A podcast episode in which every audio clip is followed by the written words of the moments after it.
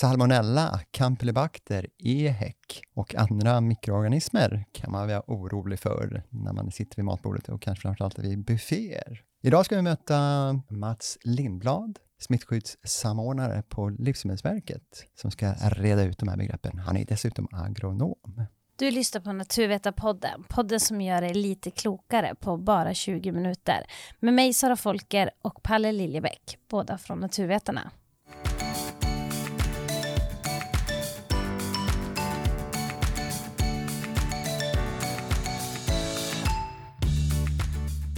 Alla har vi någon gång råkat ut för matförgiftning. Men det man kan undra, hur vanligt är det egentligen det här att eh, man gör det? Framförallt här då i Sverige. Utomlands händer ju titt som tätt, men här hemma? Alltså det där är ju en eh, bra fråga som är svår att svara på, för de flesta som blir matförgiftade kommer ju inte bli registrerade hos någon myndighet eller så. Vi har gjort några olika intervjuundersökningar genom årens lopp och då brukar man hamna på i storleksordningen att 500 000 säger att de har blivit eh, matförgiftade i Sverige. Så det är en siffra som är, man får ta mellan tummen och pekfingret. Man kan väl säga att det är ganska många som bedömer att man har blivit matförgiftad i alla fall. Då. Det låter ju ändå som ganska många och det här sker alltså här hemma då. Tror du att det oftast är på restaurang eller kan det lika gärna vara i hemmaköket? Ja, alltså det som vi får in då på Livsmedelsverket, det är ju de eh, utbrott som kommuner har utrett. Och eh, då är det ju så att då handlar det om kanske 2 3 fall om året. Så var resten av de här 500 000 kommer ifrån, det kan ju vara både restaurang och i hemmet. Men jag skulle tro att den här officiella matförgiftningsrapporteringen den fångar nog bättre upp de som har blivit eh, matförgiftade på restaurang eller i storhushåll eller så. Så jag gissar på att mycket av det här sker i hemmet, även om det är svårt att säga. Och vad kan det bero på då? Är det liksom slarvas med eh, hygienen? Man sköljer inte av sina skärbrädor efter till exempel har eh, skurit kyckling eller vad det nu kan vara? Ja, men det stämmer ju bra. Det är ju en källa, att man har hanterat eh, kyckling eller annat eh, rått kött och sen så lyckas man föra över bakterier till salladen eller brödet eller någonting annat. Eller man kanske stoppar handen i munnen innan man har tvättat den. Så det är ju absolut en väg. Sen har vi norovirus som är det virus som orsakar vinterkräksjuka. Det kan ju både spridas mellan människor och mellan mat och det är extremt smittsamt. Så om någon har vinterkräksjuka, man kanske lagar mat och har inte riktigt blivit sjuk ännu, då är det otroligt lätt att man sprider det till maten via händerna. Så återigen är det ju handhygienen Sen kan det ju också handla om att man, eh, säger att man gör en äggsallad eller så, så för man över bakterier till ägget som man har skalat och om det sen får stå lite för varmt, då kan man bli matförgiftad av det också. Det kan också vara så att man inte har kylförvarat matrester på rätt sätt. Det kan också vara en möjlighet.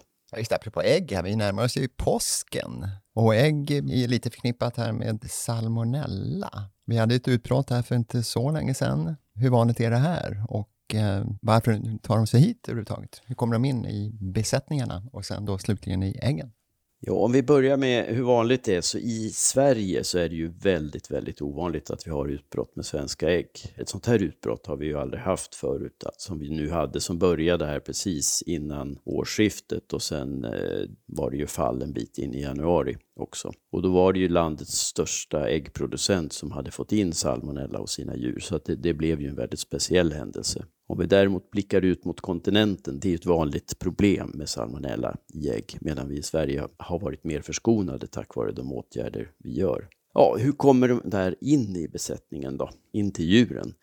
Det finns ju olika vägar man kan tänka sig. Man kan tänka sig via fåglar, man skulle kunna tänka sig via miljön, om vi tänker nötkreatur som går längs med en, eh, ett vattendrag kanske. Inte äggen då förstås, men eh, sen kan det vara personal, det kan vara foder och kanske till och med att det kan komma via avelskedjan från föräldradjur. Allt det där är möjliga orsaker. Ofta är det väldigt svårt att förstå vad som har hänt i en enskild anläggning, utom kanske möjligen om det är fodersmitta. Då. Pratar vi ägg så just den här varianten av salmonella som vi hade utbrottet med, det är salmonella enteritidis. Den är känd för att kunna finnas inne i äggstockarna hos hönsen och alltså komma direkt inuti ägget medan andra salmoneller framförallt hamnar på äggskalet, även om de kan lyckas ta sig in de också ibland. Det låter som att det finns ganska många vägar in på något sätt. Det kan inte vara helt enkelt att hålla dem borta, föreställer jag mig. Man har åtgärder som man förebygger det här. Så är det ju. Alltså de som håller djur i Sverige, många av dem, de flesta skulle jag absolut säga, är ju med i frivilliga smittskyddsprogram.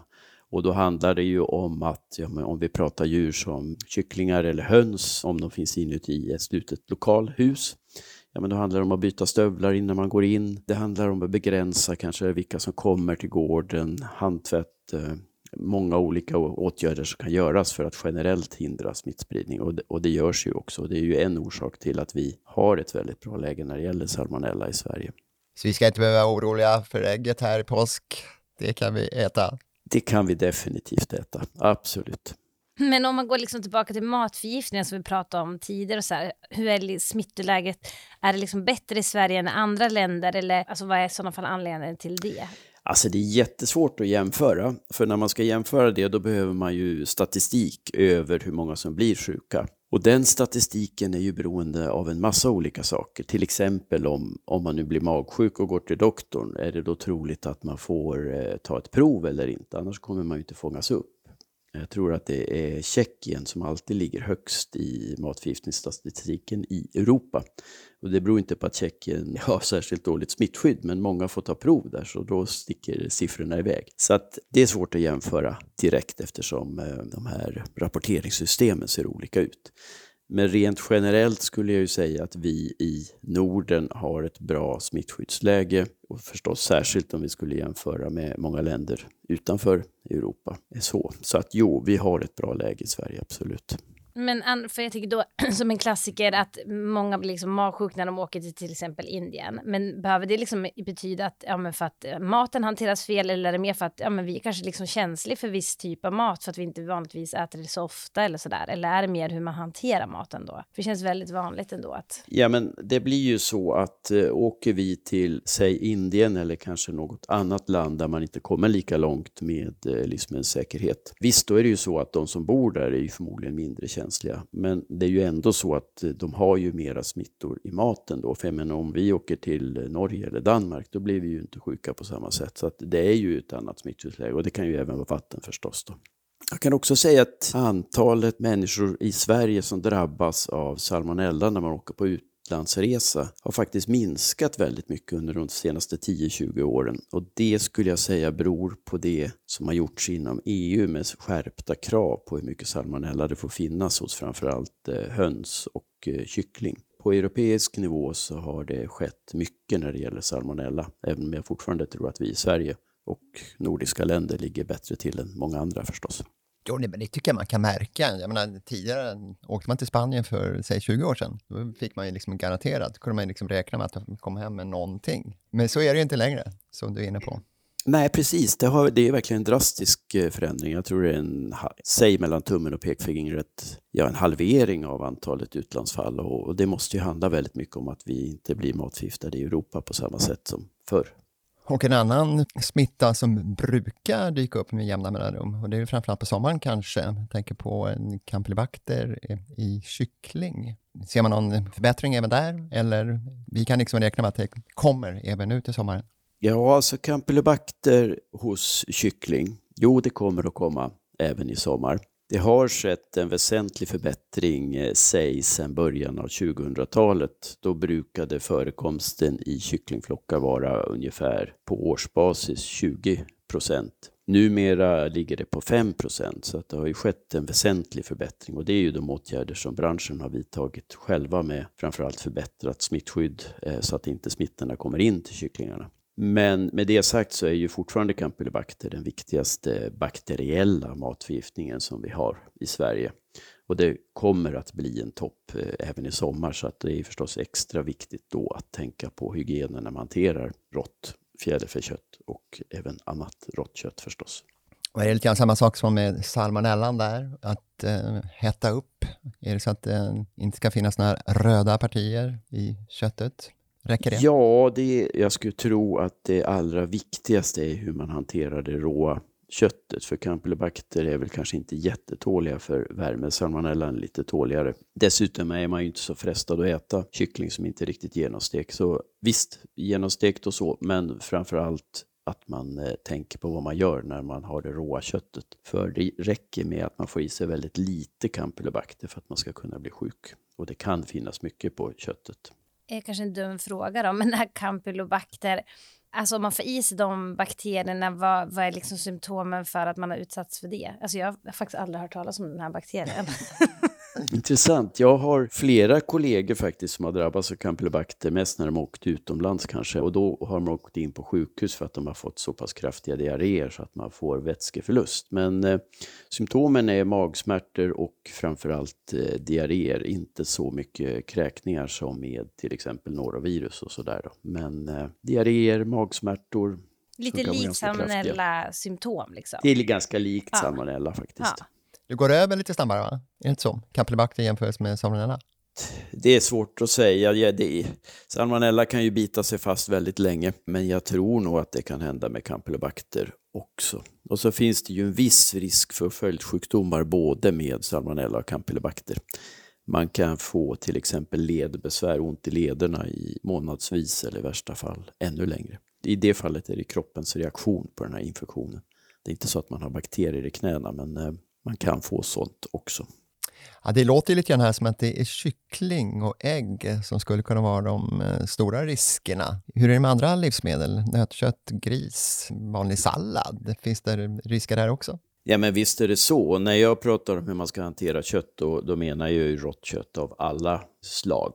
Nu är campylobacter vanligare hos eh, kycklingkött än annat kött men i, i, annat kött så kan det ju finnas salmonella eller andra bakterier som, vi, ja, som EHEC till exempel som kan ge ganska allvarliga symptom. Så att för rått kött gäller precis samma sak. Sen eh, grönsaker, eh, visst vi har haft utbrott med småtomater, bladgrönsaker, så det kan också förekomma. Och sen ska man ju förstås tänka på att det äts ju enorma mängder livsmedel som är alldeles utmärkta och säkra. Det, det som eh, vi på Livsmedelsverket eh, och andra myndigheter märker det är ju när någonting har gått fel. Så man måste ju komma ihåg att det allra mesta är ju faktiskt säkert. Man ska inte behöva gå och oroa sig i onödan, Nej. men däremot ska man väl iaktta vissa hygienregler, kanske då på hemmaplan, inte minst. Ja men absolut. Tvätta händerna innan man börjar laga mat och efter man har tagit rått kött. Det är enkla saker som man bara ska komma ihåg att göra också. Mm, mm. Det här med bufféer då? Nu går man ju på släktmiddagar med påskbufféer och annat. Och det kan man ju liksom inte veta riktigt. Det här kanske har stått framme i halva dagen innan man får äta det. Hur bra är det egentligen? Alltså, den maten som står på bufféer, den ska man ju inte låta stå framme i onödan. Så att om man har en buffé hemma så är det ju så att till att börja med så ska man ha bra tvätta händerna ordentligt sådär innan man lagar maten, som vi har sagt. Sen är det ju bra om man inte sätter fram maten för tidigt och sen så tar man fram lagom mycket åt gången så att man inte får rester som har stått framme jättelänge och sen ska åka in och ut ur kylskåpet. Och det är ju samma vilken tid det är är på året. Så att eh, bra handhygien, ta fram lagom mycket, fyll hellre på faten från kylskåpet eh, om det tar slut. Då.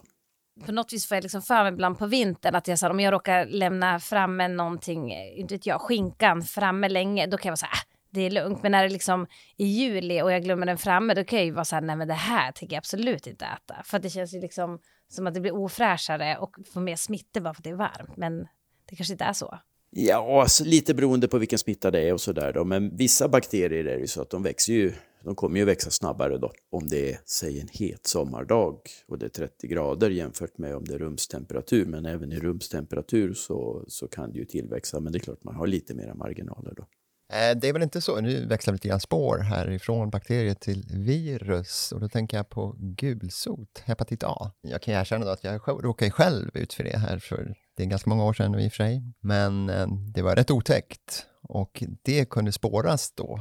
Jag fick åka till akuten och det var liksom en rejäl utredning och det spårades då till en gatukök där jag hade ätit eh, gourmetrulle och det visade sig sen att det var en 20 personer till som hade drabbats. Ja, intressant. Hur vanligt är det här egentligen?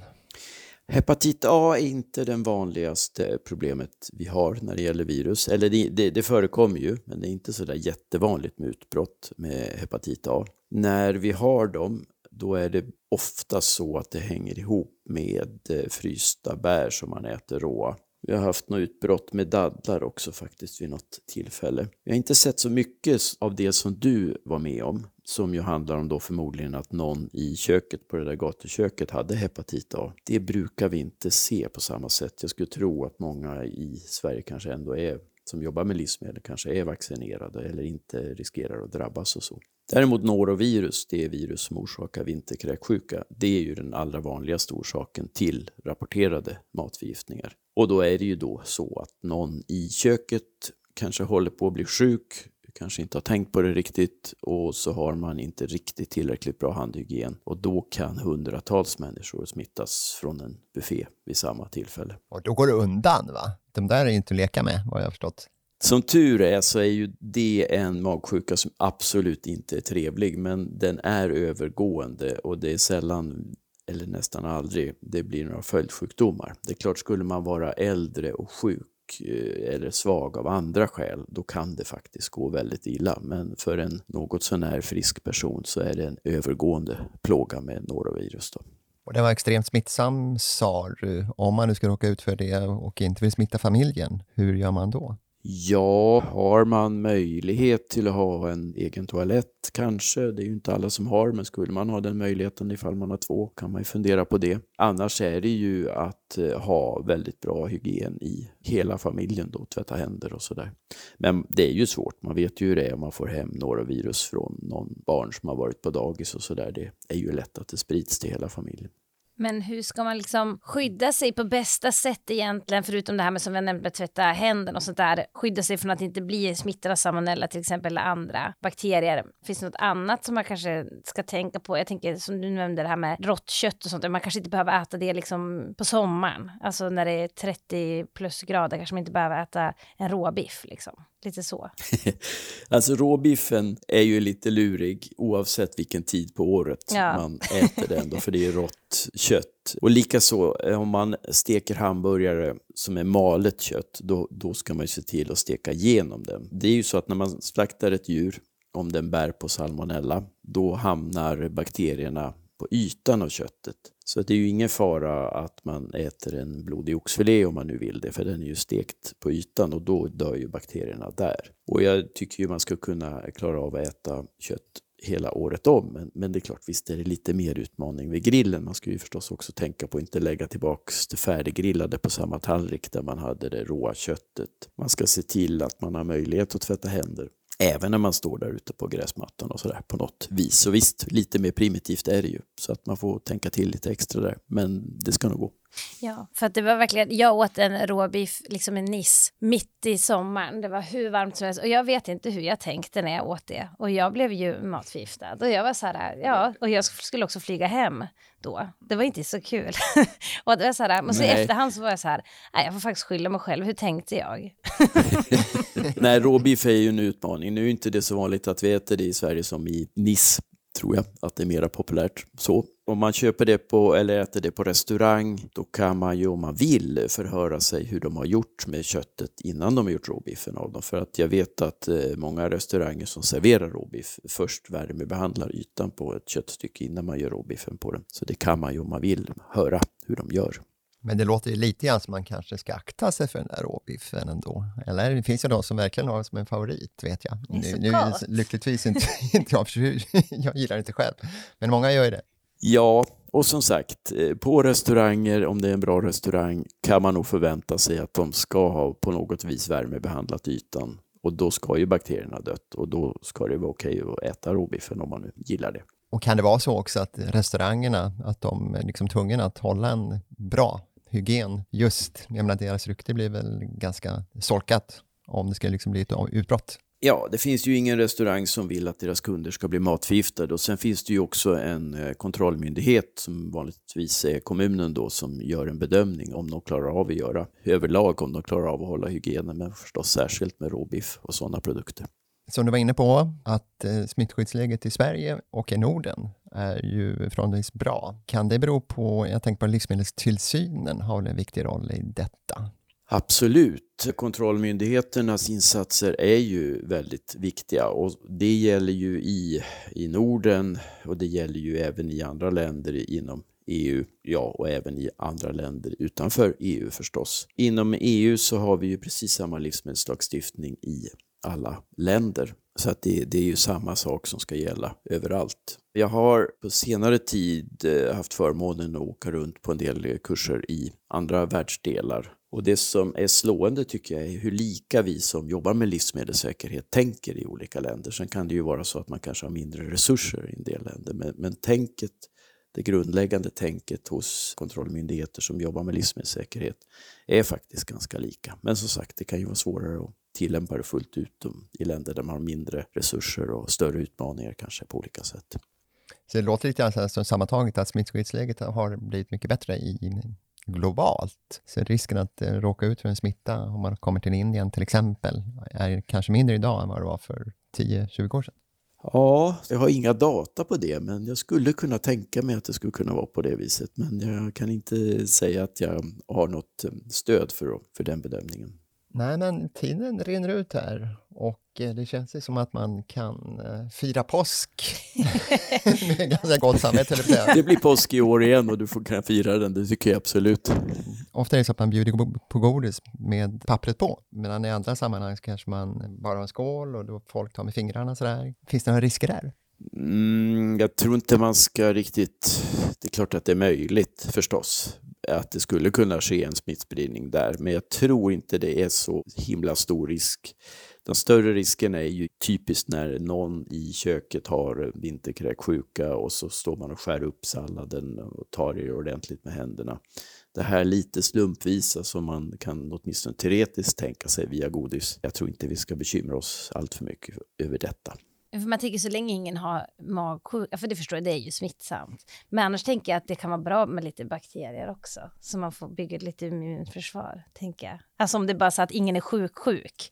Att det är så här, men det är väl bra om... Lite lag, lite lagom sådär. Exakt, det är det ja, jag tänker. Ja. Vad säger experten? Alltså jag är ju ingen immunolog så, men eh, jag, jag, skulle väl bara säga att det ska inte finnas sjukdomsframkallande vare sig virus eller bakterier eller parasiter i maten. Vi har ju en pandemi bakom oss. Hur jobbade ni på Livsmedelsverket där? Fanns det risker för att smitta kunde spridas via maten?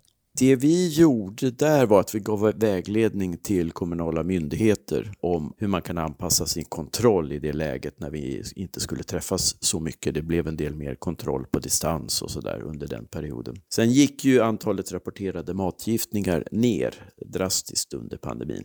Och det har ju, ja, möjligtvis i bästa fall kanske med att göra med en förbättrad handhygien, men framförallt var det ju så att vi gick mindre på restauranger och då blev det inga utbrott på restauranger eller i skolkök, eller ja, skolorna var ju öppna så, men i alla fall mindre restaurangbesök och mindre utbrott av den typen då.